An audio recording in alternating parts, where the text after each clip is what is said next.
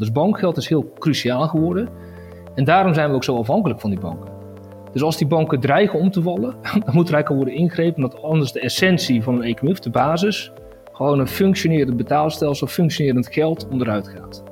Elke keer als er een probleem is in de bankaire sector of de schaduwbankaire sector, dan stappen overheden en centrale banken in, waardoor dus bestaande vermogens in stand worden gehouden. Um, en dus niet mensen, als het instort, krijgen andere mensen weer de kans. Zo zou het moeten werken, denk ik, in de markteconomie. Maar dat gebeurt in het bankaire gedeelte niet. Tot de centrale banken nu dit zijn, zijn gaan ontwikkelen. Dus deze central bank digital currencies. En dat is op zich, denk ik, best inderdaad twijfelachtig. Of zij de juiste partij zijn om dit op te zetten, om dit te ontwikkelen.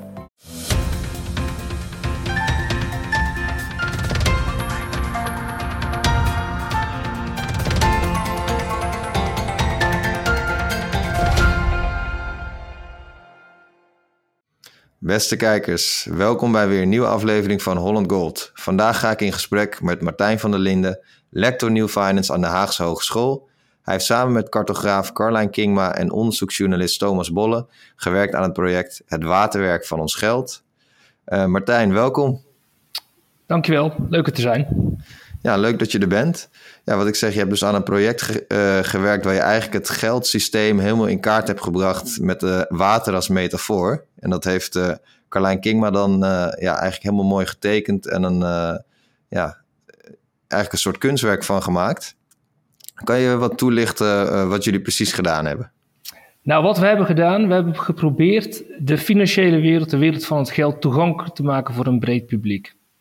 En Carlijn is cartograaf en die schreef uh, mij en Thomas Bolle, de onderzoeksjournalist. Zo'n drie jaar geleden uh, stuurde ze ons een e-mail met de vraag of wij met haar het geldstelsel in kaart wilden brengen. En toen zijn we dat met elkaar gaan doen. Toen hebben we eerst met elkaar onderzoek gedaan. Um, boek, vooral Carlijn boeken gelezen, artikelen gelezen.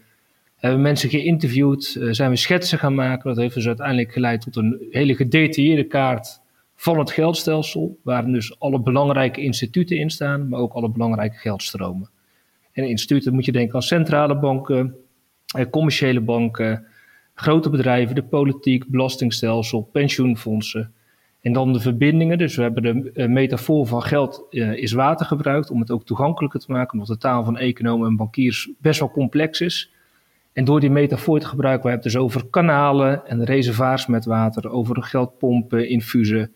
Dus wij gebruiken die metafoor om het toegankelijk te maken. En in eerste instantie hebben we dus het huidige stelsel in kaart gebracht.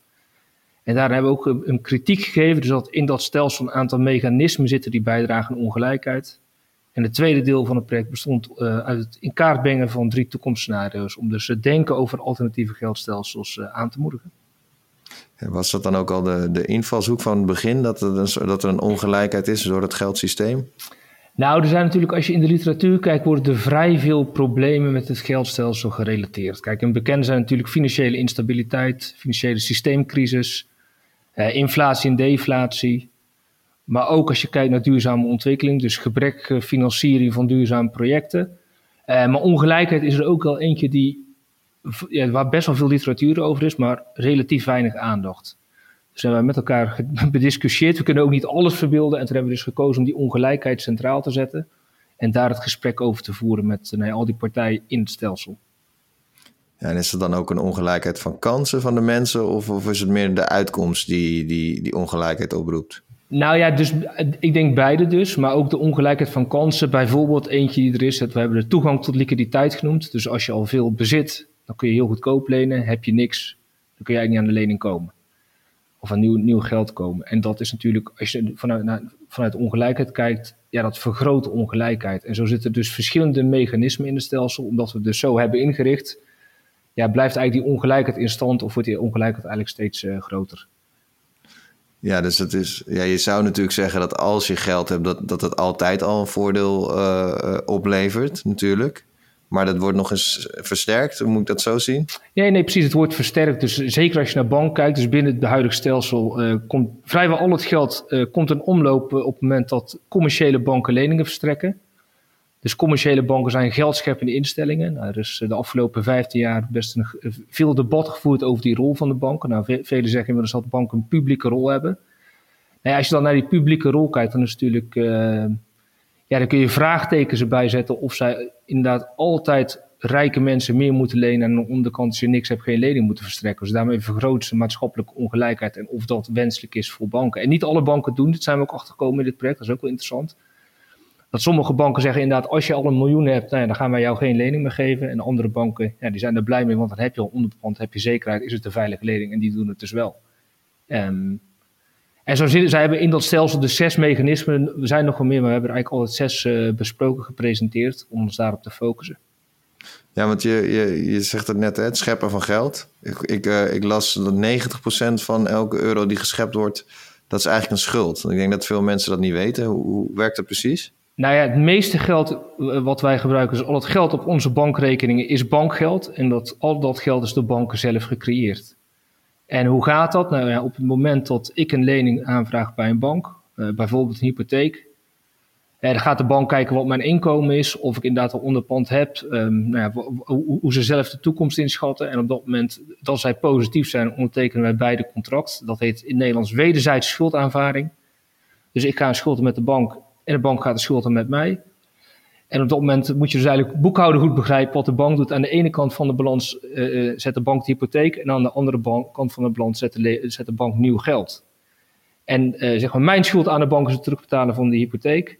En de verplichting van de bank aan mij is dat ik de bank kan vragen nou, om jouw huis te kopen. Dus om die drie ton over te schrijven naar Robert. Ja. Um, en dan is er dus nieuw geld in omloop gekomen. En we zien dus dat de afgelopen decennia is vooral dat bankgeld enorm toegenomen. Dus die bankaire geldschepping, ja, die is steeds belangrijk geworden. Dus we hebben steeds meer digitaal geld en dat is bankgeld. Daarmee zijn we steeds afhankelijker geworden van die private banken. Um, en bijvoorbeeld de WRR in Nederland in 2019 heeft gezegd dat er eigenlijk dus weinig remmen zitten tegenwoordig op de groei van geld en schuld. Dus die bankaire geldschepping, ja, die is eigenlijk een uh, leven op zichzelf gaan leiden. Ja, en de banken hebben daarmee ook eigenlijk de macht om te zeggen, te bepalen waar dat geld naartoe gaat in de economie. Nou, het nieuwe geld. Dus het bestaande geld is natuurlijk het, het nieuwe geld. Dus zij eh, hebben inderdaad de geldkraan, zoals wij het in het uh, waterwerkproject noemen. Dus zij beheren de geldkraan. Dus zij bepalen wie onder welke condities nieuw geld krijgt. Ja. Ja, dat is, uh, dat, dat, is interessant. Want, dat, want er is natuurlijk heel veel geld beschikbaar gekomen. Doordat de rentes steeds meer verlaagd zijn. En nou, ik heb het al een keer gezegd. You, correct me if I'm wrong. Uh, dat is niet direct in de economie is daar niet heel veel beter van gaan draaien de laatste 10, 15 jaar. Nee, je ziet denk ik twee dingen. Het eerste, daar is heel veel onderzoek naar gedaan, dat vanaf 1980 zijn banken uh, steeds meer kredieten gaan verlenen voor niet-productieve activiteiten. Uh, dus dat betekent hypotheken of leningen aan andere financiële instellingen, dus die dan gaan beleggen met dat geld. Of mensen die bestaande huizen gaan kopen. Uh, terwijl vroeger heel veel bankleningen gingen naar productieve bedrijven. Dus de, ja, mensen die fabriek gingen beginnen, en winkel gingen beginnen. Dus iets actiefs gingen doen in de economie. Maar tegenwoordig, dus heel veel van die bankaire geldschepping is gegaan naar uh, aandelenmarkten, financiële markten en huizenmarkten. Dus dat is de commerciële kant van het bankwezen. Dan hebben ook centrale banken zijn geld gaan creëren. Nou, dat mechanisme benoemen we ook. Dus die, die monetaire instrumenten die de centrale bank ge, gebruikt. Dus de normale, het normale conventionele instrument is de rentestand. Die is de afgelopen anderhalf jaar weer verhoogd. Dus dat is wat ze normaal doen. Uh, maar na de vorige crisis hebben ze die rente eerst verlaagd. Dat bleek onvoldoende te zijn. En toen zijn centrale banken ook zelf geld gaan creëren. Uh, middels kwantitatieve verruiming. En dat betekent dat ze met nieuw geld bestaande financiële producten gaan opkopen. Um, en ook daar zie je dus wie hebben die financiële producten. Ja, dat zijn vooral natuurlijk grote bedrijven en rijke investeringsfondsen. En soms ook particulieren. Maar die verkopen dus hun financiële activa aan de centrale bank, krijgen dat geld. Um, en de kans dat die mensen het dus gaan besteden in de reële economie is gewoon heel klein, want die hebben alles al. Dus wat zij vaak doen, zij gaan opnieuw beleggen. En daarom heb je ook gezien dat na de financiële crisis dus die aandelenbeurs en andere financiële uh, markten naar de koorthoogte zijn uh, gegaan. En nu zijn ze weer langzaam naar beneden aan het komen. Ja. Maar dat heeft uh, veel te maken met gewoon ja, geldschepping. Hoe het geld in omloop is gebracht.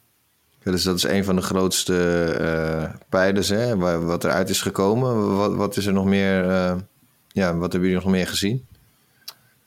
Hoe bedoel je dat? Nou ja, ik bedoel, dus zeg maar die, die, die geldcreatie, hè? dat is iets uh, met, met die waterstromen van het geld. De, daar zijn jullie eigenlijk een soort van achtergekomen, of, of daar, daar leggen jullie de nadruk op. Is er nog iets uh, ja, waar we het over moeten hebben? Nou ja, dus we hebben zes van die mechanismen. Dus die eerste is die toegang tot liquiditeit. Het tweede is die monetaire instrumenten van, die, van, de, van de banken. Uh, de derde zijn die uh, financiële crisis en dat banken alle twee gered worden. Daarmee houd je eigenlijk ook bestaande vermogens in stand. Dus elke keer als er een probleem is in de bankaire sector of de schaduwbankaire sector, dan stappen overheden en centrale banken in, waardoor dus bestaande vermogens in stand worden gehouden. Um, en dus niet mensen, als het instort, krijgen andere mensen weer de kans. Zo zou het moeten werken, denk ik, in de markteconomie, maar dat gebeurt in het bankaire gedeelte niet. Dus dat zijn de drie die gaan over naar het bankaire financiële gedeelte. Dan hebben we er eentje die gaat over de reële economie, dus het aandeelhouderskapitalisme. Uh, dat we echt hebben gezien dat dus een steeds groot gedeelte van de winsten gaan naar de aandeelhouders in plaats van naar de werknemers of naar andere partijen. Dus daar zie je dus ja, ook een mechanisme, omdat we langzaam maar zeker steeds meer naar aandeelhouderskapitalisme zijn gegaan. Dus het belang van die aandeelhouder staat voorop. Worden er veel winsten gemaakt, worden veel uitgekeerd aan dividenden, dividenden. En daar profiteert een kleine groep van. Uh, daar zijn alternatieven voor natuurlijk. Maar dit is een mechanisme, ja, dat, is, dat aandeelhouderskapitalisme is de afgelopen 30 jaar steeds belangrijker geworden. Uh, en vijfde, en dat is waar, meestal als je over ongelijke praat, wijzen mensen naar het fiscale stelsel. Dus dan zeg je, je kunt de belastingen veranderen. Dus je kunt eh, vermogen meer belasten, arbeid minder, minder belasten. Dus dat mechanisme eh, hebben we ook benoemd. En wat wij daarin ook benadrukken, dus dat is inderdaad een belangrijk mechanisme. Maar wat we ook zien, dat mensen in de top van de toren, dus de mensen met geld of de bedrijven met geld, die zijn ook veel beter in staat om het belastingstelsel te gebruiken om hun inkomsten en uh, uh, kosten te optimaliseren. Dus een gewone burger of een MKB-zaak in Nederland kan dat niet. Je moet gewoon in Nederland belasting betalen, maar een groot bedrijf of rijke particulieren hebben in verschillende landen maken gebruik van het belastingstelsel. Ze hebben ook het geld om nou goede advocaten, goede um, accountants in te huren, goede belastingadviseurs in te, te, huren. En daardoor kunnen zij dus eigenlijk gebruik maken van het belastingstelsel om belasting te optimaliseren. En dat kunnen andere mensen niet. Dus dat is ook een mechanisme wat, ja, wat het versterkt, of in ieder geval niet vermindert. En de laatste die we hebben benoemd is toch uh, ja, de, de, politieke vraag. Dus geeft de politiek nu eigenlijk wel voldoende richting aan dit systeem? En wie is hier nou eigenlijk verantwoordelijk voor? Dus we hebben dus met al die partijen uit, ja, die op die kaart staan gesproken. En je ziet heel erg dat het, de, de, de neiging bestaat om naar elkaar te wijzen. Dus de banken zeggen, ja, wij doen gewoon wat binnen de wetten mag. Dus de politiek is aan zelf niets te veranderen. De politiek zegt, ja, die banken zijn zelf verantwoordelijk. Ze moeten zelf maar een beterslag maken. en wij denken dus eigenlijk dat ze stelling, ook om over te discussiëren dat die politiek eigenlijk te weinig richting heeft gegeven aan de ontwikkeling van het geldstelsel de afgelopen decennia. En dat de politiek daar dus meer in zou moeten doen. En dat betekent dus niet dat de politiek, dat het allemaal publiek moet worden, maar wel dat de politiek eigenlijk scherpere regels of systeemveranderingen moet doorvoeren om deze mechanismen uh, te stoppen of te veranderen. Ja, ja, want er zijn natuurlijk wel wat, krachten die tegen elkaar inspelen. Want bijvoorbeeld, je hebt het over die, die aandeelhouders, hè? dus uh, dat, dat die te veel uh, macht hebben of dat de bedrijven alleen naar de aandeelhouders kijken. Um, ja, dan zullen er heel veel mensen zeggen, ja, dat, dat is een soort kapitalistisch iets wat helemaal fout is. Maar dus dan zal weer een tegengeluid zijn van ja, maar er, er zijn zoveel regels, dat zie je bijvoorbeeld met de banken. Dus is dat dan wel kapitalisme? Um, ja, hoe, hoe, zie je dat dan in de politiek? Want ik heb nu het idee dat, uh, dat veel mensen in de Tweede Kamer hier niet mee bezig zijn. Terwijl dit eigenlijk een van de belangrijkste zaken, uh, ja. Nee, daar, daar, zijn wij het uh, ook mee eens. Dus wij hebben juist dit project ook zijn we gaan uitvoeren, omdat we vaak in de politiek zijn dat ze op vrij kleine vraagstukken focussen, op de details. Dus bijvoorbeeld met banken of de kapitaalratio 7 of 8 procent moet zijn, of 7,5 of, of 8 procent. Eh, en dat zijn details en daarmee zeggen we dus, ja, daarmee laten we de bestaande mechanismen eigenlijk in stand. Uh, we, ja, we ondersteunen eigenlijk, het, we maken het bestaande stelsel iets stabieler, maar daarmee veranderen we eigenlijk het stelsel niet. En wij, wat wij proberen te doen met die toekomstnaars, om dus echt andere stelsels te ontwikkelen en daarmee het debat op gang te krijgen, van gedachten te wisselen over hoe het nou echt anders ingericht kan worden. En alle systemen natuurlijk voor- en nadelen. Maar ik denk als je naar die alternatieven kijkt, dat wat je net zei, dat dat echt eh, cruciaal is, dat dus als je gewoon kijkt vanuit principes van markteconomie. Want we hebben in Europese verdragen bijvoorbeeld vastgelegd dat we markteconomie willen hebben. Ik denk dat de meeste mensen ook zeggen, ja, eigenlijk moeten we wel markteconomie hebben. En dat we toch in vrij veel systemen of vrij veel sectoren zien, zien dat het eigenlijk niet voldoet aan principes van markteconomie. En de bankaire sector is denk ik uh, het, het, beste voorbeeld. Dus kijk je naar Nederland, dan heb je drie hele grote banken. Nou ja, dat is al uh, een soort oligopolie. Dan worden ze ook nog door de staat gedekt. Dus ik uh, ben ze gaan tellen en ik kom inmiddels tot 14 beschermingsmechanismen uh, voor banken. Dus die banken die hebben een uitzonderingspositie als je kijkt binnen de financiële instellingen. Dus alleen zij hebben toegang tot de centrale bank. Alleen zij krijgen um, uh, rente op centrale bankreserves. Alleen zij uh, kunnen participeren in het depositogarantstelsel. Ze hoeven geen prospectus te publiceren. Nou zo, zo, zijn er dus veertien. Dus aan de ene kant heb je die bescherming voor banken. En aan de andere kant, wat je ook net noemde, die immense hoeveelheid regelgeving. Dus in toenemende mate zeggen centrale banken, en dus eigenlijk indirect de politiek, wat die private partijen moeten doen. En eigenlijk wil je toch in een markteconomie dat gewoon de actoren zelf op decentraal niveau bepalen wat nodig is. En wat een gewenst risicoprofiel is, hoe ze dat afdekken. En natuurlijk een beetje regelgeving is zeker nodig in de financiële sector, dat er helemaal niks moet zijn. Eh, dat is denk ik ook een illusie. Maar je ziet volgens mij steeds meer dat die toezichthouders zijn, eigenlijk zijn gaan acteren als, als een soort van schaduwmanagement. Die dus tegen die banken zeggen wat ze moeten doen. En wat je dan ook krijgt in een geval van een crisis, dan zeggen die banken, ja, we hebben precies gedaan wat de toezichthouders ons vroeg te doen. Um, dus wie is dan eigenlijk nog verantwoordelijk? En je ziet dus heel erg dat dat publieke en private eigenlijk heel erg eh, vermengd is geraakt in dat bankaire stelsel. En in de markteconomie zou je toch willen hebben dat de overheid de regels bepaalt. Uh, en volgens private partijen zelf verantwoordelijkheid nemen op die markten. Ja, ja, maar dat is toch wel heel interessant. Want uh, aan, de ene, aan de ene kant begint eigenlijk het met, met gelijkheid. Hè? En mensen denken dan heel erg uh, gauw van ja, banken die, ja, die, die bevorderen gelijkheid dus niet. maar tegelijkertijd zeg jij, misschien is juist wel een oplossing om heel veel van die regels af te schaffen en die banken vrijer te laten zijn. En dat, dat komt ook voort uit de gedachte, denk ik, dat dan een bank bijvoorbeeld kan omvallen. En nu zie je dat als een bank omvalt, dat die eigenlijk gered wordt met, uh, privaat, of, uh, met publiek geld. Um, kan je daar nog een toelichting op geven? Nee, zeker. Dus, dus wat we hebben gezien, dus dit beschrijf ik in mijn proefschrift, dus dat in het digitale tijdperk banken hebben hun bankgeld en hun bankaire processen gedigitaliseerd. Dus met internetbankieren boeken wij eigenlijk zelf ons geld over, ons bankgeld over. Um, en we hoeven geen checks meer te schrijven, dus het is in die zin echt verbeterd. Dus banken hebben ook echt iets goeds gedaan door die processen digitaal te maken, hun geld digitaal te maken. Maar het grote probleem met bankgeld is dat het fragiel is, instabiel. Dus het kan eigenlijk niet zelfstandig langdurig functioneren als geld. Dus contant geld wat je gewoon in je portemonnee hebt, daar kun je geen bankrun op hebben, is gewoon jouw bezit, blijft altijd functioneren. Je kunt mismanagement hebben van de overheid, oké, als ze veel te veel maken, dan krijg je inflatie, maar als het gewoon normaal wordt gemanaged, dan kan het. En bij bankgeld is dus het probleem dat het een fragiele aard heeft, dat het eigenlijk alleen maar kan bestaan met die publieke vangnetten. En in het digitale tijdperk zijn we steeds afhankelijker geworden van het fragiele geld. Dus in Nederland en heel veel universiteiten, hogescholen, openbaar vervoer, eh, restaurants, cafés kun je niet meer betalen met contant geld, maar alleen maar met digitaal geld en dus bankgeld. hetzelfde voor alle internet aankopen, overduidelijk kun je natuurlijk alleen maar betalen met bankgeld. Dus bankgeld is heel cruciaal geworden en daarom zijn we ook zo afhankelijk van die banken. Dus als die banken dreigen om te vallen, dan moet er eigenlijk al worden ingrepen, omdat anders de essentie van een economie, of de basis, gewoon een functionerend betaalstelsel, functionerend geld onderuit gaat. En banken weten dat natuurlijk, dat ze zo, ja, zo'n belangrijke rol hebben in dat betaalstelsel, in het geldsysteem. En, en dat, ja, dat vraagt ook dat ze meer risico kunnen nemen dan dat ze anders zouden doen. Dus ze weten dat als ze de fouten gaan, dat het geldstelsel omvalt en dat ze daarmee gered zullen worden. En daar krijg je dus heel die vervlechting. En ik denk dus nu een interessante beweging die je ziet, is dat al die centrale banken werken wat zij noemen Central Bank Digital Currency, CBDC. In mijn proefschrift noem ik het heel niet zo, noem ik het pub, of digitaal publiek geld. Dus in essentie gaat het erom dat wat banken hebben gedaan, die hebben hun bankgeld, privaat geld, afgelopen 30 jaar gedigitaliseerd. En nu gaan we ook het publieke geld langzaam updaten naar het digitale tijdperk.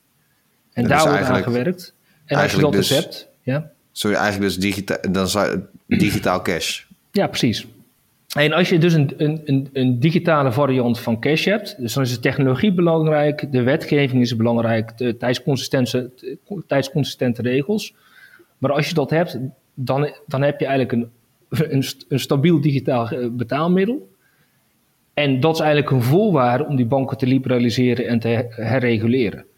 Dus binnen het huidige stelsel is het heel begrijpelijk wat centrale banken en de politie doen. Dus je moet bankgeld beschermen, je moet die banken beschermen, je moet ze ook, uh, je, je, moet ze ook reguleren om stabiel te houden.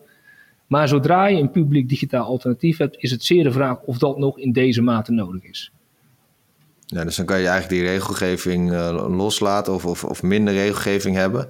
En betekent dat dan ook gewoon, naar jouw idee, dat als een bank omvalt, dat dat dan jammer is? Nou ja, op termijn zou dat zo moeten zijn. Nee, zeker. Dus ik denk, dus wat de meeste mensen niet of nauwelijks beseffen, is dat het geld op je bankrekening is een investering in de bank. Dus het is een verplichting aan de bank, net zoals een obligatie of, uh, of, of, of, aandelen. Dus banken hebben die unieke positie dat ze zich met ons geld kunnen, uh, kunnen financieren. Dat is historisch misschien best te begrijpen. Um, maar of dat in het digitale tijdperk dus nodig is, ik denk in toenemende mate eigenlijk ja, heel beperkt of misschien wel helemaal niet. Dat zal de toekomst uitwijzen. Welk kan het dan precies op, op, gaat. Maar je ziet dus dat het publieke geld wordt ontwikkeld. Er zijn experimenten voor. Gaat op het begin natuurlijk moeizaam. Veel tegenwerking natuurlijk van allerlei partijen uit het bestaande stelsel. Uh, ik denk dat het, er, dat het er uiteindelijk zal komen. en dat het ook de, zeg maar, de voordelen van bankgeld mm -hmm. en cash kan combineren. Dus wat het fijne is van cash is dat het je bezit is, dat het niet kan omvallen. Wat het fijne is van bankgeld is dat het heel efficiënt is voor betaling over afstand. Uh, dat je het uh, heel makkelijk kan meenemen. Dus als dat geld uh, bestaat, het functioneert goed, dan zal, zullen steeds meer mensen zien hoe aantrekkelijk het is en zou het mogelijk kunnen leiden tot een ander stelsel. Maar betekent dat dan ook ehm, kijk, je hebt nu natuurlijk die banken die creëren natuurlijk dat geld. Gaat dan ook die, dat geld scheppen van die banken uh, in de vorm van schuld, verdwijnt dat helemaal of wordt dat, wordt dat minder? Nee, ik denk in ieder geval minder. Dus, dus waarom banken nou zoveel geld kunnen scheppen, is omdat ze dus zoveel uh, toegang hebben tot zoveel garanties, subsidies, privileges van de staat. Dus als je die langzaam afbouwt, kunnen ze het misschien nog wel doen, maar op veel mindere mate. En wat dan ook helder zou moeten zijn, dus als jij een rekening bij een bank hebt, dat er risico aan verbonden is. Ja. Uh, en dan is natuurlijk de vraag in, hoe, in welke mate willen, willen mensen dat risico accepteren. En, en als ze dat risico hebben, waarom hebben ze dan eigenlijk niet liever aandelen van banken of obligaties van banken?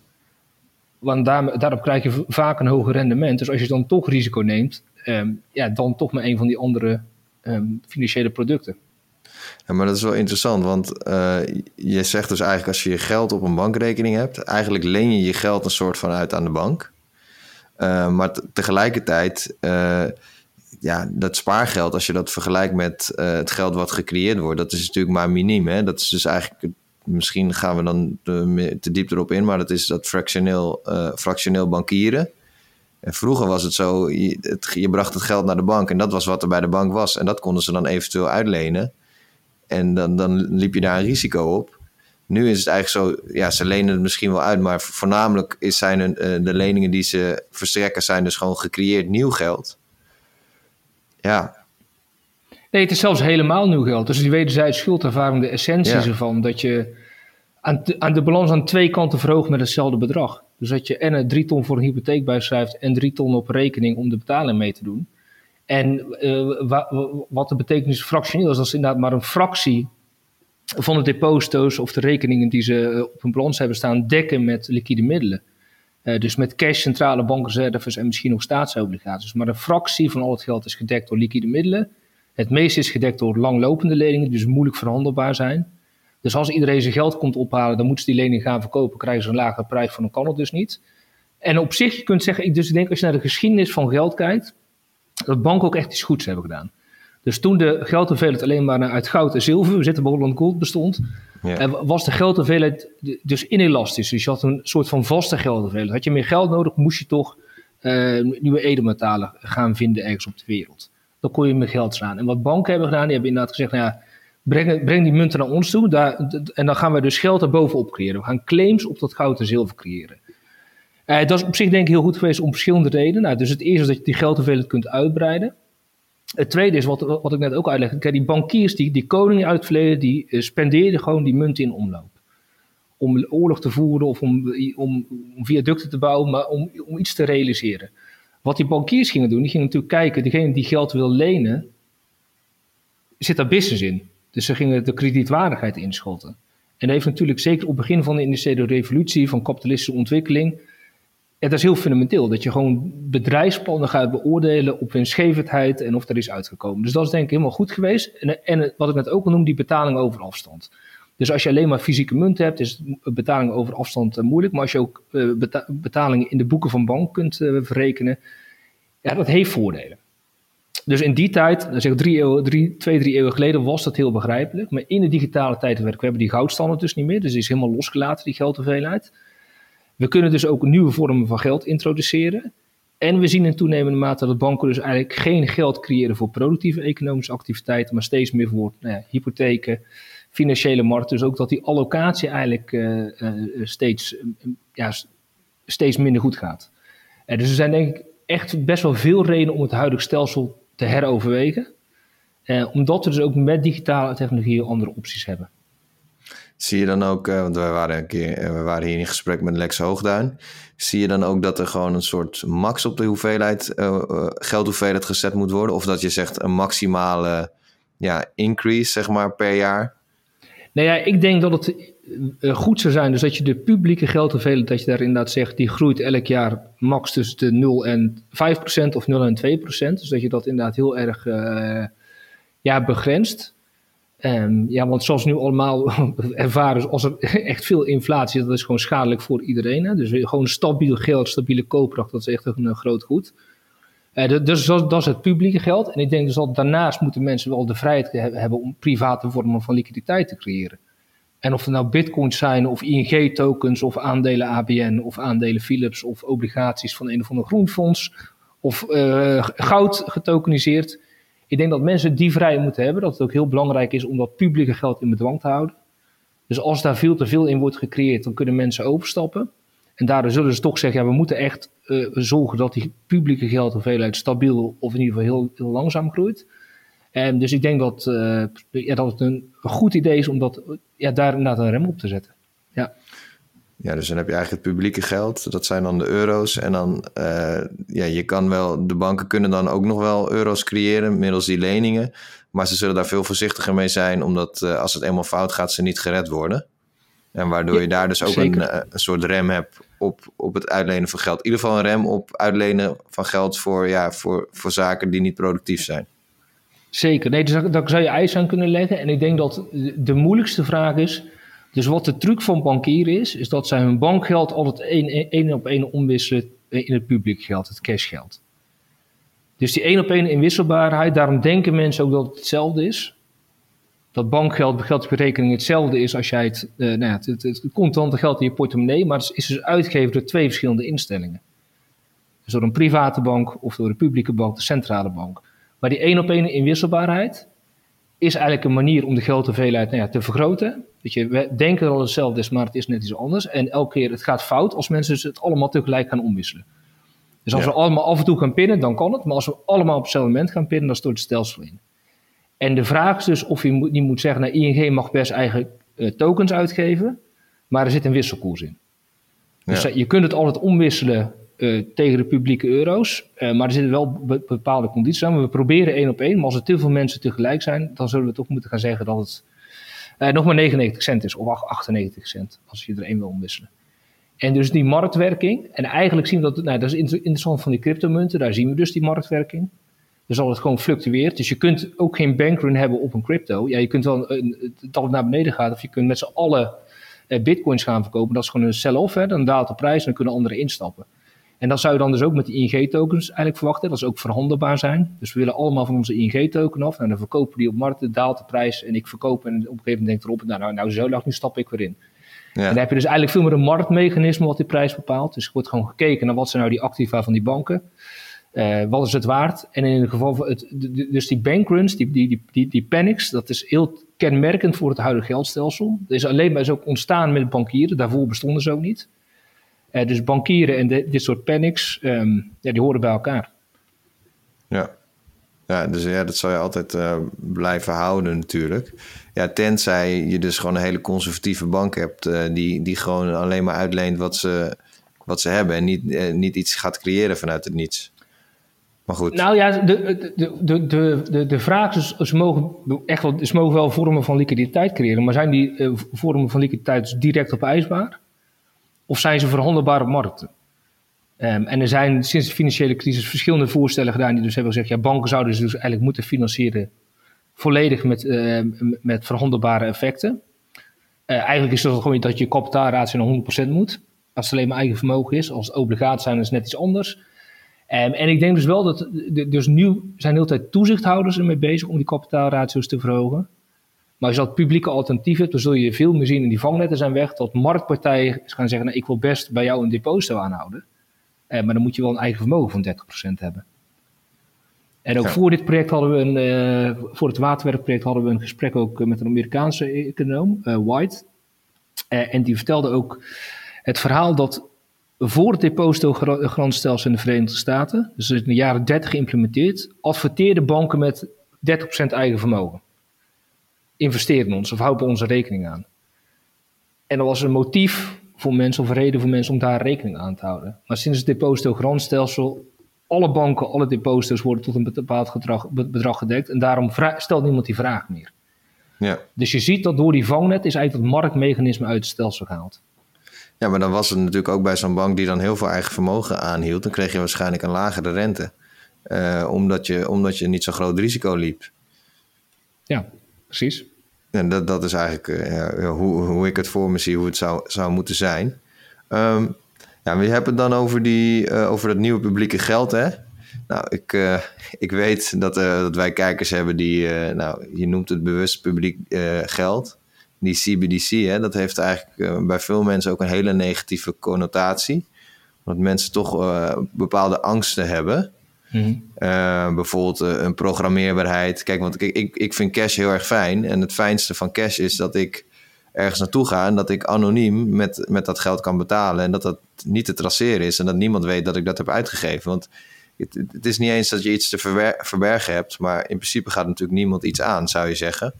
Zeker. Uh, hoe, hoe, hoe, hoe, zie je dat? Nou ja, dus, dus hier is dus de vraag, het hangt er dus vanaf hoe het wordt ingericht. en of het, uiteindelijk ook, of het uiteindelijk ook gewoon echt goed werkt. Hè?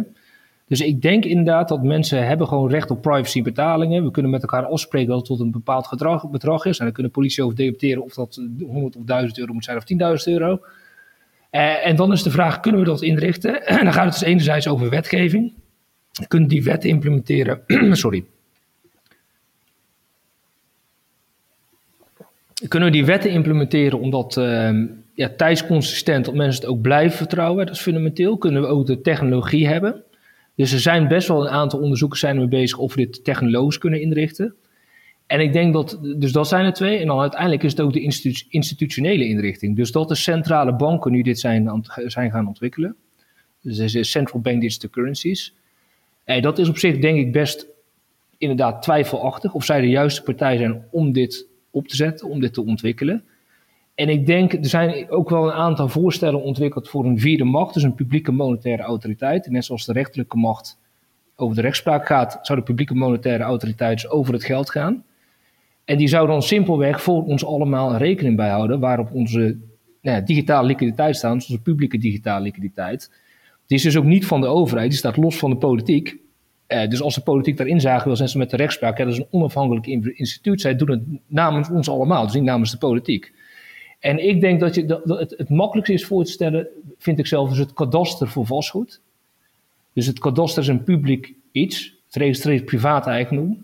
Nou ja, het is op zich heel goed dat privaat eigendom door een publiek instituut wordt erkend en wordt vastgelegd. En simpelweg, als ik mijn huis aan jou verkoop, dat ze het ook overschrijven het niet meer van mij is, maar van jou is. En zo zou ik, zo zou ik het idealiter ook zien voor het publiek digitale geld. Dat het gewoon een register is met namen en niet negatieve getallen. Bij een onafhankelijke macht, dus niet bij de politiek. Dus die, dus die staat los. Um, en die houdt simpelweg bij wat ons bezit is van publieke digitale liquiditeit. En dat lijkt mij op zich een groot goed in het digitale tijdperk. Dat ik gewoon als Nederlander of als Europeaan uh, dat ik altijd toegang heb, kan hebben tot publieke digitale liquiditeit. Maakt niet uit waar ik over de wereld ben. En dat ik ook weet dat het wordt beschermd uh, ja, door wet en regels. En, ja, dan heb je daar dus een rekening. Uh, ja. En daar krijg je dan denk ik geen, geen rente op, geen rendement. Lijkt mij. Nou ja, dus in heel veel voorstellen over voor CBDC wordt er wel rente gegeven. Maar ik zou het zelf inderdaad net zo zien als contant geld. Gewoon met je portemonnee zit, daar krijg je ook geen rente op. Dus ik ben het met je eens dat ik zou er idealiter ook geen rente op zien. Omdat het gewoon geld is. Er zit geen investering achter, het is gewoon geldbezit. Het is geld, het, het ligt, daar, ligt daar veilig. Nou, het zal de hardcore cash persoon zou zeggen... ja, nou dan, dan wil ik het eigenlijk niet eens op mijn naam hebben. Maar dat er misschien wel, net zoals met als ik cash thuis heb liggen, is dat ook van mij. Dus dan zou je mhm. nog zo kunnen gaan dat je. Ik weet niet dat, je, dat het met een code werkt of zo. Want in principe, ja, waar, er zijn die privacy is dan niet gewaarborgd als daar mensen werken en die kunnen zien van hé, hey, uh, Martijn die heeft zoveel hier liggen en Robert heeft zoveel liggen. Nou ja, dus de, de vraag is, het zou ook misschien met een decentraal netwerk kunnen. Uh, maar dan zit je dus echt heel, erg in de, de, ja, de, technische implementatie, op welke manier dat kan. En daar wordt dus nu wel veel onderzoeken naar gedaan. Alleen nog onduidelijk wat eruit gaat komen. En het, dus zeg maar conceptueel lijkt het mogelijk. En dan is de vraag, kunnen mensen het ook echt bouwen? En als ze het gebouwd hebben, blijven mensen dan ook vertrouwen en werkt het ook zoals we hebben gezegd dat het is? En dus zelf vind ik het heel opvallend in het debat. Dus banken hebben langzaam maar zeker hun betaaldiensten hun geld gedigitaliseerd. Toen hebben we nooit over privacy gediscussieerd, ja, een heel klein beetje. Maar banken, dus vroeger kregen ze al die, die, op papier. Dat was dus heel moeilijk te analyseren. Nu staat alles in die computers bij die banken. Die banken weten, kennen al die betalingen, die moeten, die moeten het ook monitoren. En het gebeurt dus al, dus die privacy die ligt al bij een private partij die namens de overheid nou ja, daar ook nog naar gaat kijken. En, en hoe het dan idealiter moet worden ingericht. Dus ik denk dat het heel goed is dat het debat nu wordt gevoerd. Wat willen we er eigenlijk mee? Wat zou wel niet zichtbaar moeten zijn? Uh, voor wie ook. Um, en dan ook dus kijken naar de technologische mogelijkheden. En ik denk dus dat daar het definitieve antwoord is er nog helemaal niet. Maar daar wordt nu aan gewerkt, hoe dit ingericht moet worden. Ja. Ja, in theorie zou je, heb je eigenlijk niet eens uh, zo'n instelling nodig. Hè, wat je zegt, want je, je ziet nu bijvoorbeeld bij Bitcoin. Ja, er is, er is helemaal geen instelling je hebt wel een Bitcoin-adres, maar je kan dat um, uiteindelijk, als je het ooit te gelden wil maken naar euro's, dan moet dat vaak via een exchange. En dan, uh, ja, dan is het allemaal met naam en toenaam. Maar in principe heb je gewoon een adres, dat is gewoon een soort nummer. Ja. Uh, en daar staan dan gewoon je Bitcoins op. Dus ja. ik, ik, denk dat de technologie, technologie het al mogelijk maakt. Ja, en, het, en natuurlijk wel het probleem met Bitcoin is als je het kwijtraakt. Um, dat het dan weg is. En hier zou dus natuurlijk wel, als het een publieke dienst zou natuurlijk wel vrij zijn dat jij uh, het eigendomscertificaat van je huis kwijt bent, dat toch wel ergens geregistreerd is dat het huis inderdaad van jou was.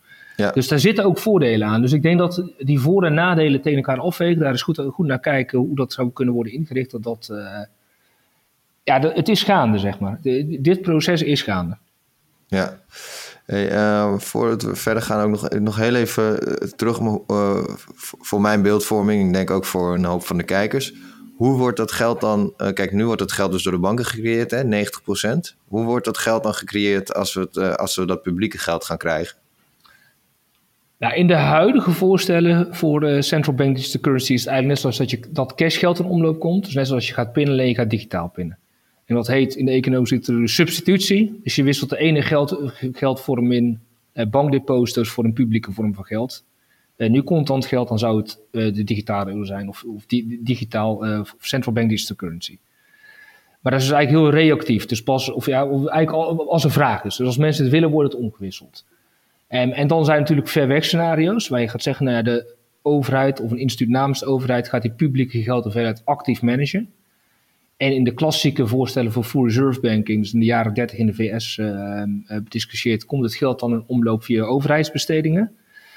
Uh, maar zelf denk ik eigenlijk ook wat het digitale tijdperk mo mogelijk maakt, wat veel, veel effectiever is en eigenlijk ook veel egalitairder. Dus als we meer geld nodig hebben, dan plussen we gewoon bij iedereen de rekening met hetzelfde bedrag. Dus iedereen die in de munteenheid woont, krijgt gewoon allemaal één erbij. Hebben op het allerlaagste niveau, het meest decentrale niveau, komt het geld in omloop en kan het worden uitgegeven. Maar kijk, je, zegt net, uh, het is soms, volgens mij zit je in de stroming dat je zegt van die geldhoeveelheid die moet af en toe gewoon toenemen, want dat is, dat, dat, dat, is, dat is goed. Ja. Uh, maar dan wil je toch ook dat die geldhoeveelheid toeneemt, juist bij, uh, bij productiviteit. En als je dan aan iedereen gaat uitdelen, ja. Nou ja, je, dat is een goed punt. Dus hier ben ik nu zelf over nadenken of ook een beetje over aan het schrijven. Dus je zou ook kunnen zeggen, we geven iedereen één en laten die één investeren. Dus bijvoorbeeld als je naar Europa kijkt, we willen allemaal kapitaalmarkt, we willen kapitaalmarktunie, dus we willen veel meer niet-bankaire financiering eigenlijk. Dus we, of het is 10 en we laten iedereen die 10 investeren. Eh, dan komt het dus bij productieve bedrijven terecht. We zouden ook allemaal nieuwe bedrijven kunnen kiezen. Nou, die bedrijven halen geld op, die kunnen hun activiteit gaan uitvoeren. En uiteindelijk krijgen we dus ook veel meer mensen ehm, die, hebben, die bezitten financiële activa. Um, dus die beginnen ook te begrijpen hoe die markten werken. Die hebben bezit in een bedrijven. Dus dat zou in die zin ook, als je naar die kaart kijkt, hè, dus ook voor dat aanhouderskapitalisme, dat je gewoon veel meer aanhouders krijgt. Of dat ook ja. werknemers aandelen hebben. Uh, dus, dus, dus, dus in de economische theorie, of heel veel economisch onderzoek, zoals ik zelf die zijn nu dit soort voorstellen aan het ontwikkelen, hierover aan discussiëren, over aan nadenken. en dan is uiteraard de vraag of het enkel een bedenksel blijft dat het ooit in de praktijk gaat komen. Ehm, ja, dat is waar het staat. Ja, Oké, ja, interessant. Ja, ik, ik ga dan meteen weer nadenken van, uh, ja, oké, dan ben je dus weer verplicht om dat te investeren en dan wordt dat weer gecontroleerd wat jij dus met, uh, met, met dat geld gaat doen. Maar goed.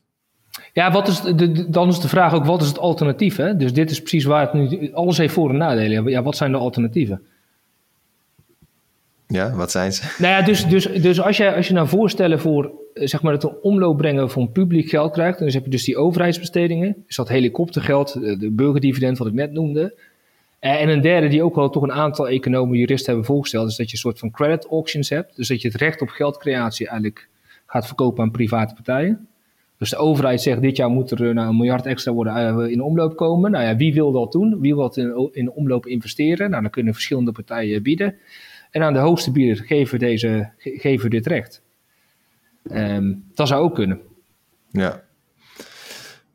Ja, interessant, interessant. Um, zie jij nog, uh, even misschien off-topic, maar natuurlijk als goudboer. Hoe, hoe zie, jij, zie jij de rol uh, van, goud van goud hierin? Nou, ik denk dus sowieso dat uh, private vormen van liquiditeit of private assets, dat die dus uh, ja, ook echt essentieel zijn om, die om dat publieke geld in toom te houden. Dus als er veel inflatie is, wat je nu al ziet, dus, dus als er veel inflatie is, dan gaan mensen naar alternatieven. Dus die alternatieven die moeten er zijn. En ik denk dat nou, goud is natuurlijk van origine, van origine een van die alternatieven. Um, ja, dus in die zin denk ik dat voor goud nog een lange rol weggelegd zal zijn. Ja. Ja. ja, ik, uh, ik vind het hele interessante ideeën. Um, als we het nou even concreet maken, nou ja, bijvoorbeeld in de Nederlandse politiek. Hoe, hoe, hoe zie jij dat voor je? Heb je al uh, het gevoel dat, dat daar naar je geluisterd wordt, ten eerste? Nou, wat we. De, een van de moeilijke dingen van de Nederlandse politiek is dat de Nederlandse politiek eigenlijk helemaal niet over de inrichting van het geldstelsel gaat. Dus dat eigenlijk alle wetten en regels die zijn Europees of die komen van, van, de Bank of International Settlements of die komen uit internationale afspraken. En het fiscale gedeelte is anders, maar vooral als je naar de, naar de andere gedeeltes van de kaart gaat, dat is, is gewoon een internationaal vraagstuk. En ik denk wel, dus ik ben zelf, ik denk dat ik het eerste artikel over de digitale munt van de overheid een jaar of nou, acht, negen geleden schreef. Kijk, toen was je, stond je helemaal aan de zijkant van het debat. Uh, toen, toen, begon ik ook met mijn promotieonderzoek in 2014. Toen had ik al heel erg het idee van de digitalisering en ook de digitalisering van publiek geld. Ja, lijkt mij logisch. Uh, ja, maar ja, de, mijn promotoren of mensen dachten, ja, dit gaat nooit gebeuren. Of dit gaat decennia. En nu zie je dus wel dat alle centrale banken, alle politie die in ieder geval in de financiële commissie zitten, weten nou ja, wat dat publiek digitale geld is. Um, en nu vind ik dus zelf die debatten vrij nauw. Hè? Dus die, die, doelstellingen zijn verengd. Dus een van de kritieken op die digitale euro die ik zelf al uh, vaak heb geuit is... Nou ja, dus als je kijkt naar al die voorstellen... net heb ik vrij grote uh, problemen genoemd, vrij grote oplossingen. Dus effectieve monetair beleid, het voorkomen van de financiële systeemcrisis... liberaliseren van banken. Maar als je kijkt naar al die stukken over CBDC van centrale banken... dan komen dit soort motieven er nauwelijks in voor. Dus ze hebben het eigenlijk die, ze hebben iets over financiële inclusie in Europa, iets over het uh, naar Europa halen van betalingen. Nou ja, dat, zijn de belangrijkste motieven voor, voor, de, voor de centrale banken. En ze hebben dus die motieven eigenlijk kleiner gemaakt, die doelstellingen. En daarmee krijgen dus de kritiek van allerlei mensen, nou ja, waarom hebben we dit eigenlijk nodig? Welk probleem lost dit op? En ik denk dat die, die kritiek dus ook terecht is. Dus als je het heel klein maakt, dan is de vraag of het wel zin heeft. Dus daar hebben denk ik bankiers zitten zeggen, die hebben gewoon een echt een goed punt van ja, het, het, is zo klein gemaakt dat het eigenlijk nauwelijks meer een probleem oplost. Ja. En, en dan kun je nog steeds zeggen dat er misschien best een, uh, zeg maar een ideeënrevolutie gaande is. Dus dat ook bij centrale banken, bij denktanks in de economische wetenschap, dus dat steeds meer mensen over ja, dit gedeelte van het geldstelsel aan het nadenken zijn. En aan het kijken zijn hoe dit anders kan. Dus in die zin is er heel veel gaan. En dan is de vraag, hoe wordt het gematerialiseerd? En wanneer ja. komt het in de praktijk? Dus uh, kan je stellen dat, eigenlijk de, in, in het voorstel of het idee wat, wat jullie hebben, dat, dat eigenlijk vooral een, een nadeel heeft in eerste instantie voor de banken natuurlijk. Dat die de grootste tegenstanders zullen zijn. Ja, kijk, je kunt het, het hangt denk ik vanaf wat voor soort bank je bent. Um, en ook bij banken, je ziet dus wel dat sommige banken zijn veel welwillender om erover te spreken dan andere banken. Dus dat is, dat is interessant natuurlijk. Um, en ik denk dus, kijk, het voordeel van bank kan toch ook zijn, dus als ze enerzijds een publiek alternatief hebben, anderzijds minder vangnetten, maar ook heel veel minder regulering, dat ze eigenlijk een ander soort rol in de maatschappij kunnen gaan vullen. En ik denk dat ook, kijk, bankiers, er zijn al zoveel onderzoeken weer de afgelopen vijf jaar geweest, dat banken blijven gewoon instituten die eigenlijk niet vertrouwd worden door, door, heel veel mensen. Dus in de kern van onze markteconomie hebben we instituten die zo zijn gegroeid dat heel veel mensen toch zeggen: ik vertrouw ze niet helemaal. Dat het ook voor bankiers misschien wel onwenselijk is. En als jij gewoon goed bent, dus de kern van bankieren is denk ik toch het beoordelen van investeringen. En dat kan, daarvoor hoef je niet met uh, zeg maar bankdeposito's te financieren. Dus je kunt je gewoon op een andere manier financieren. En als jij gewoon zeg maar geaard bent in de maatschappij, dan krijg je denk ik ook die financiering. En het zijn denk ik juist een aantal van die hele grote banken die nou ja, vrij zijn losgezogen van de maatschappij, die, die nadelen zullen ondervinden. Maar ik denk juist dat voor kleinere banken dat uh, juist een kans zou zijn. Ja. Dus het hangt er denk ik heel erg vanaf. Ja, het is nu natuurlijk eh, voor die kleine banken, je ziet het aan Bunk, hoe moeilijk het is om, uh, om toe te treden tot de markt. Door zeker. al die regelgeving. Nee, zeker. Nee, je ziet gewoon dat er zijn zulke hoge uh, toetredingsbarrières. Uh, dat het gewoon heel moeilijk is om hier tussen te komen. En uh, ja, in die zin is het dus echt sprake van een oligopolie. Dus de bestaande partijen blijven zitten. Nieuwe toetreders hebben heel veel moeite om toe te treden. Dus je, je krijgt dan nauwelijks een vergunning. Um, en ik heb ook wel wat onderzoek gedaan naar uh, zeg maar waarom die fintech-revolutie niet heeft plaatsgevonden of nooit heeft plaatsgevonden. Ja, en een van de redenen is ook dat gewoon de, als je succesvol bent, word je gewoon opgekocht door een grote bank. Ja. Um, dus dat is gewoon, ze hebben gewoon de middelen om ook concurrent of alternatief de tijd op te kopen. Dus ja, dan heb je een succes, succesvolle fintech. Je biedt uh, uh, de eigenaren bied je allemaal uh, nou ja, 10 of 50 miljoen. Nou, dan zeggen heel veel mensen, oké okay, prima, hier heb je mijn bedrijf en de groeten ermee. Dus je ziet dat het betere alternatieven zijn dus heel moeilijk. Dus die banken die doen alles op één balans, zijn heel erg gedekt door de staat, heel erg gereguleerd. Maar we zouden best alternatief kunnen ontwikkelen, maar die hebben dus heel veel moeite om een plek te vinden ja. binnen het huidige stelsel. Hey, nou, we, we, zitten inmiddels op drie kwartier. Um, heb, jij, heb jij zelf nog iets waarvan je denkt van... Hey, dit moeten we nog even bespreken waar we nog niet aan toegekomen zijn? Nee, ik denk dat we al een hele hoop hebben besproken de afgelopen drie kwartier. Ja, ja. Um, hoe, hoe, gaat het nu verder voor, voor jullie? Want jullie, jullie, jullie hebben eigenlijk een tentoonstelling hè, in een museum. Zeker, we hebben op verschillende plekken hebben dus uh, tentoonstelling gehad. Uh, er zijn twee musea op de Biennale in Venetië, maar de panelen, dus we hebben die grote kaart hebben ook, uh, of die kaart hebben we ook groot laten afdrukken. Op panelen, die hebben gestaan bij Raadbank, bij Triodos, bij Deloitte op de Haagse Hogeschool, bij het ministerie van Financiën. En, en die is ook op een aantal festivals ook, dus ook een Springtime Festival op Lowlands. Um, en wat we dus daar hebben gedaan is uh, dus ook workshops geven, lezingen met mensen in gesprek over het geldstelsel. Uh, en we hebben dus die, die drie toekomstscenario's ontwikkeld. Twee animaties, die zijn op, te zien op de website van Follow the Money, Waterwerk en uh, waterworksofmoney.com. We zullen de links misschien onder dit gesprek zetten. En wat we hierna willen gaan doen is de uh, internationale dimensie van het geldstelsel in kaart brengen. Dus wat we eigenlijk vrij plain hebben gedaan, dit is gewoon het geldstelsel met de centrale bank, commerciële bank, de financiële markten, toren van de maatschappij, belastingdienst, maar natuurlijk ook tussen die landen zit een dynamiek. En die zit nog niet zozeer in deze kaart en die willen we eigenlijk wel gaan doen. En dan gaat het bijvoorbeeld om die dominantie van die dollar. Uh, hoe andere landen last van hebben of we proberen onderuit te komen. Uh, dus dat willen we eigenlijk vanaf uh, begin volgend jaar gaan ontwikkelen. En daar ja. ook weer enkele tekeningen en animaties bij maken.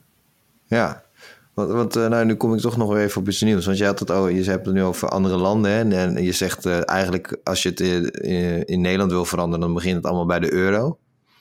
Zie jij, denk je dat het mogelijk is dat er een, soort, dat er een land ko komt die een soort voorloper wordt? Je ziet bij Bitcoin natuurlijk dat El Salvador dat helemaal omarmd heeft. Nou, of dat nou echt heel goed gaat, dat, dat, dat weet ik niet. Daar zijn de meningen over verdeeld. Maar stel dan dat je een land hebt nou, dus die, die niet in een muntunie zitten. Dus bijvoorbeeld, ik noem wat, een, een Brazilië of... Uh, nou ja, ik ben altijd fan van Zuid-Afrika. Van Zuid-Afrika, die, die, nou, die zeg maar voorloper is en zegt... wij gaan het dus helemaal fundamenteel anders doen. En dat dat een enorm succes uh, kan worden... en dat andere landen gaan volgen. Of is het, is het zo van ja, uh, kijk, als wij uh, heel netjes met ons geld omgaan en de rest van de wereld doet het niet, dan, dan kan dat gewoon niet, omdat de, de rest van de wereld het ook niet doet. Zeg maar dat, ja. Nou ja, ik denk, de, de, het, is ook moeilijk om hier een eenduidig antwoord op te geven. Maar ik denk wel dat tussen wij, maar ook Amerika, die hebben natuurlijk heel goed ontwikkelde monetair financiële systemen. Dus die banken zijn oud, zwaar gerelateerd, grote centrale banken. En natuurlijk in heel veel andere landen, zeker als je naar Afrika gaat of Zuid-Amerika, hebben ze gewoon niet zo'n bankair stelsel. Uh, en zijn banken eigenlijk ook helemaal niet geïnteresseerd om arme mensen een lening te gaan geven, te gaan helpen.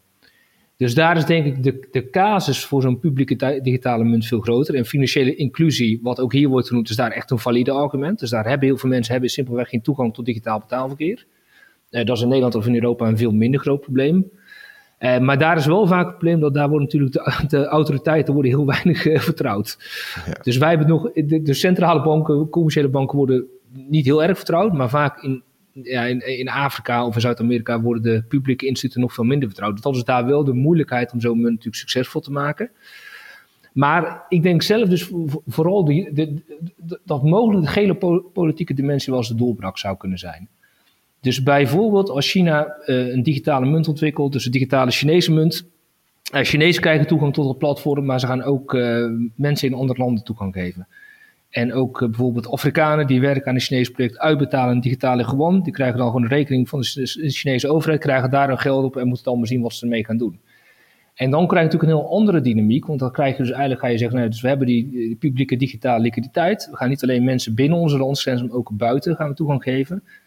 Uh, nou, dat kan fout gaan, dat kan goed gaan. Maar dan zullen op een gegeven moment zullen er toch mensen zijn. Nou, ik heb toch best graag eh, wat digitale liquiditeit in Zwitserland of in Zweden. Of in Zuid-Afrika, kan ook. Maar dan zou je dus wel eens een hele andere dynamiek kunnen krijgen.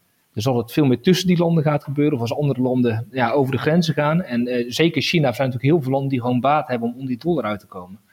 Dus als die elkaar betalingen, betalingen gaan doen in een publieke digitale munt, zou, je, zou het wel eens heel rap kunnen gaan. Ja. En waardoor wij in het Westen misschien ook uh, moeten gaan bewegen. Nee, zeker. Je ziet toch gewoon dat de Europe, de old continent, wij zijn gewoon heel behouden. We vinden alles is het risico voor de bestaande systemen, voor de bestaande instituten. Dus het argument, het belangrijkste argument tegen hervorming is dat er een risico in zit. Dat er een transitierisico in zit. En heel veel andere landen hebben gewoon niet zulke ontwikkelde systemen, waardoor ze eigenlijk kunnen leapfroggen. Ze kunnen er overheen springen, ze kunnen meteen met iets anders beginnen. Ik wil ook niet zeggen dat het meteen succesvol is, maar er zou best op termijn kunnen zijn dat zij toch een veel efficiënter systeem uh, opbouwen. Ja. Ja, nou, interessant. Ik denk dat dat wel een uh, mooi einde is, uh, Martijn. Nou, mooi. Mooie toekomst, toekomstperspectief. Wellicht dat we in de toekomst weer ook terug hebben en kijken of er wat, wat, wat meer veranderd is. Leuk, kijk er naar uit. Dank. Nou, ik wil je bedanken en tot snel. Tot snel. Hoi.